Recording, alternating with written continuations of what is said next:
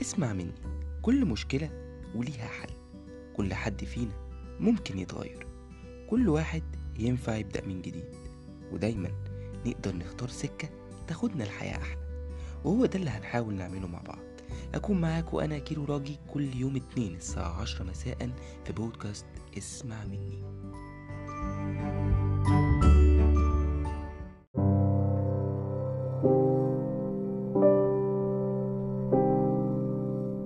كلنا عارفين إن الإدمان خطر وأخطر أنواع الإدمان هو إدماننا للبني آدمين تحت شعار الحب أيا كان مسمى العلاقة حب جواز صداقة وحتى علاقتك بأهلك.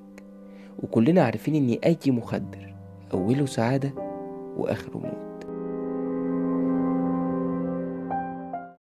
يا مساء الفل معاكم أنا كيلو راجي وحلقة جديدة من اسمع مني.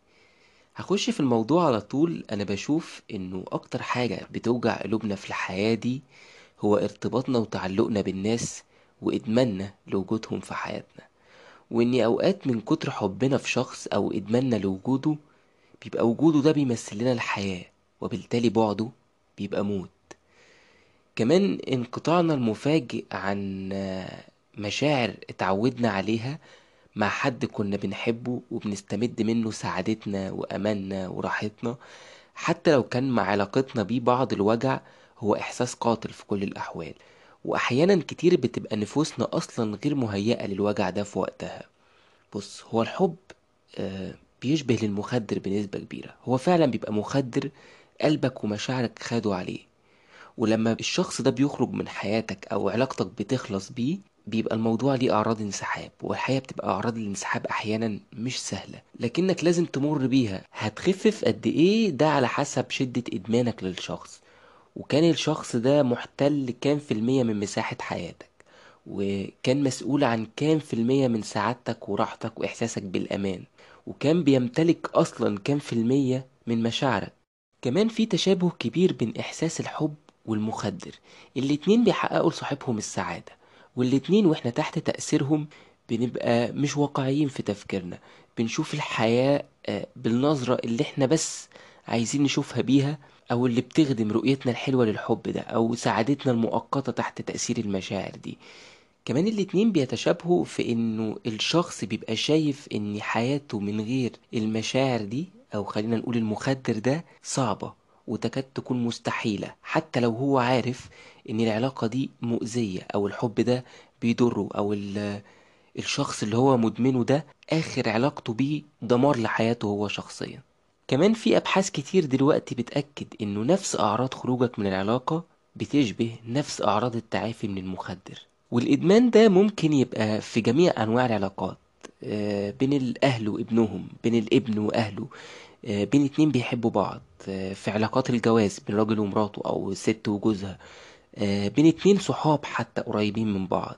والحقيقة إن إحنا ما بنعرفش نفرق قوي ما بين علاقة الحب السليمة السوية وبين علاقة الإدمان المضرة اللي بتأذيك أنت وبتأذي علاقتك بالطرف التاني. لأن في الغالب العلاقات اللي بيبقى بيحكمها إدماننا للشخص مش الحب بتتحول لعلاقة مرضية بتنتهي في الآخر بالفشل.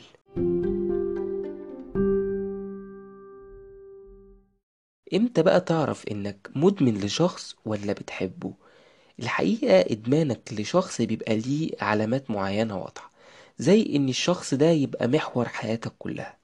زي إن الشخص ده يبقى متحكم فيك وفي كل جوانب حياته. أنت عايش بتنفذ إرادته. زي إنه يبقى بيأذيك وأنت مكمل في علاقته بيك أو عارف إنه ما بيحبكش وأنت متمسك بيه ومكمل. آه لما تبقى عايز تبعد وعارف إن العلاقة دي مؤذية بالنسبة لك أو أنت مش مبسوط فيها ومش عايز تكملها أو مش عايز تفضل مع الشخص ده أو تبقى في نفس الوقت مش قادر تبعد عنه مش قادر تستغنى عن العلاقة دي بكل ما فيها. كمان لما تبقى مدمن آه لوجوده في حياتك. يعني طول الوقت بتخاف إنه يضيع منك أو يروح منك آه بشكل مرضي آه أو بتخاف إنه يبقى عنده حياة غيرك أو فيها ناس غيرك إنه ينجح أكتر ما أنت ناجح فده يهدد أمانك الشخصي معاه. أو لما تبقى مدمن للاحتياجات اللي بيملاها لك أو المشاعر اللي اللي بيوصلها لك من خلال العلاقة دي أو ال benefits أو المميزات اللي بيحققها لك في حياتك. كمان في ناس أحيانا بتدمن الأذية بشكل مرضي فتلاقي آه، ست بتتعذب مع راجل أو بيأذيها معنويا أو جسديا وهي مكملة وفاكرة إنه ده حب منها ليه أو إنها كده آه، بتتحمله أو إنها بتضحي عشان العلاقة. والحقيقة إنك لو دورت هتلاقي غالبا الست دي مدمنة لجزء من مشاعرها معاه أو مدمنة لحاجة آه، بيحققها لها في حياتها أو مدمنة حتى لجو البيت والأسرة ولولادها كمان لما تلاقي حد بيقولك الشخص ده بتاعي لوحدي وتلاقيه عايز طول الوقت ياخده من دنيته وعايز يقفل عليه آه عايز يتملك كل ما فيه يملك قراراته يملك إرادته يملك حياته ما يبقاش فيها حد غيره. هنا تعرف إن الشخص ده على طول مدمن للطرف الآخر. الإدمان بيجي من التعلق بالشخص والتعود عليه. علاقة المدمن بالمخدر هي علاقة تعلق في البداية تعلق بالسعادة اللي بيحققها من المخدر ده بالمشاعر اللي بيوصلها وهو على المخدر ده. تعلق بالإحساس اللي بيجنيه من ورا المخدر ده حتى لو لوقت معين أو للحظات معينة. حتى لو في الآخر هو الشخص ده عارف مدى خطورة المخدر وعارف إنه هيموته ويقضي على حياته. وبيكمل مهما كانت الأضرار ومهما كان التمن لمجرد الجزء البسيط اللي هو اتعود عليه أو اتعلق بيه. وده اللي هتلاقي ناس كتير جدا بيعملوه في حياتهم أو في علاقتهم مع حد بيحبوه. كمان الشخص المدمن ده بيبقى شخص اعتمادي بيعتمد على الطرف التاني في إنه يستمد منه الحب والرعاية والأمان والثقة سواء ثقته في نفسه هو أو ثقته في اللي حواليه. بيحمله سعادته وفي المقابل برضه بيحمله دمار حياته أو ضياع عمره أو عدم سعادته. كمان الشخص ده بيبقى معتمد على اللي قدامه في إنه يوصل له كل المشاعر اللي هو بيحب إنها توصل له ويلبي له كل احتياجاته زي علاقة بالظبط الطفل بالأم. هي بالنسبة له كل حياته هي بالنسبة له كل الاحتياجات اللي بيحتاجها. والحقيقة ده أنا بشوفه إنه شكل مرضي وخطير من الحب.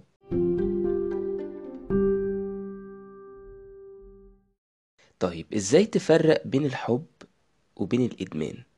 كل أفعالنا بنحقق من وراهم حاجتين يا إما المتعة أو الألم.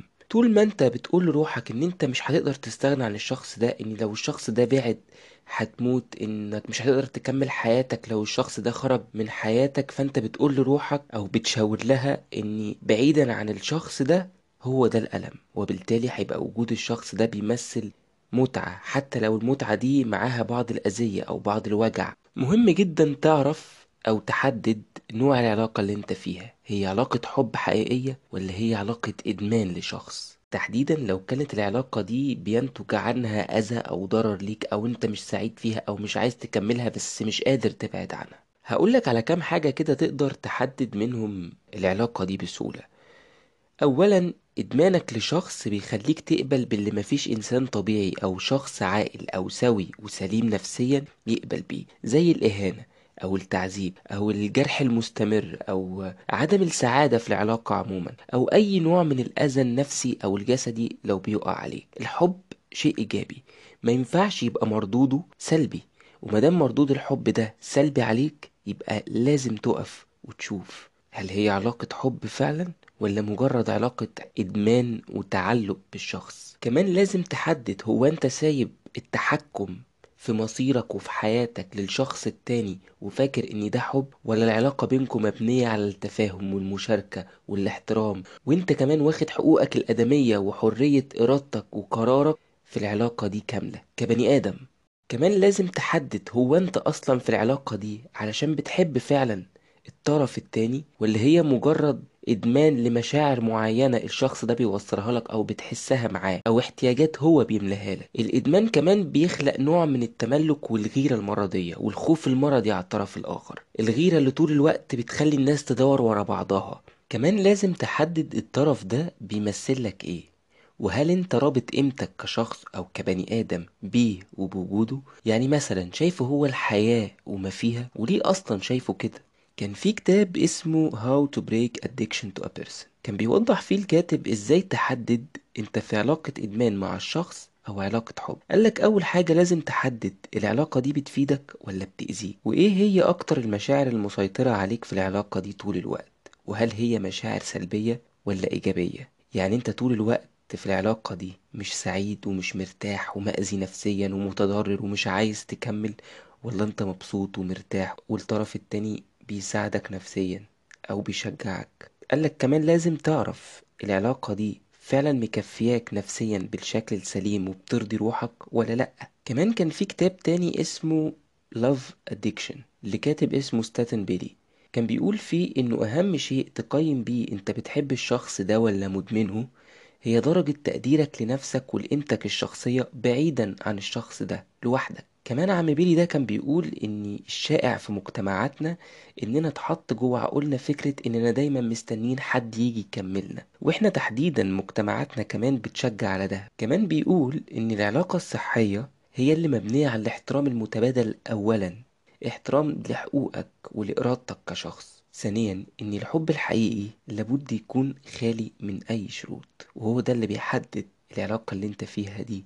علاقة حب ولا علاقة إدمان. طيب اسمع مني. عشان تخف من إدمانك لشخص ده لو أنت عايز تخف لازم اولا تحدد علاقتك بيه هي إيه بالظبط حب ولا علاقة إدمان. لو إدمان ارجع ابني علاقة إيجابية مع الشخص ده. ولو كان بيقع عليك منها ضرر أو أذى أو أنت مش سعيد فيها امشي. ولما تمشي خليك عارف إن خروجك من العلاقة دي أو بعدك عن حد كنت بتحبه وأدمنت وجوده طبيعي هيكون ليه أعراض انسحاب وأعراض انسحاب كبيرة. ابدأ اتعلم تحط مشاعرك في مكانها. اعرف إمتى اللي بتديه ده يبقى حب وإمتى دي تبقى تضحية. لازم كمان تاخد النية إنك تخف. مهما كانت رحلة التعافي صعبة ومهما كان تمنها عوض قلبك عن إدمانه لشخص بحبك أنت لنفسك. حاول تحدد قيمتك بعيدا عن الشخص ده لأنك بني آدم بيه أو من غيره ليك قيمة. وصدقني الأيام هي أكبر مصحة ممكن تدخلها لعلاجك من إدمان البني آدمين. المهم تكون حضرتك ناوي تخف.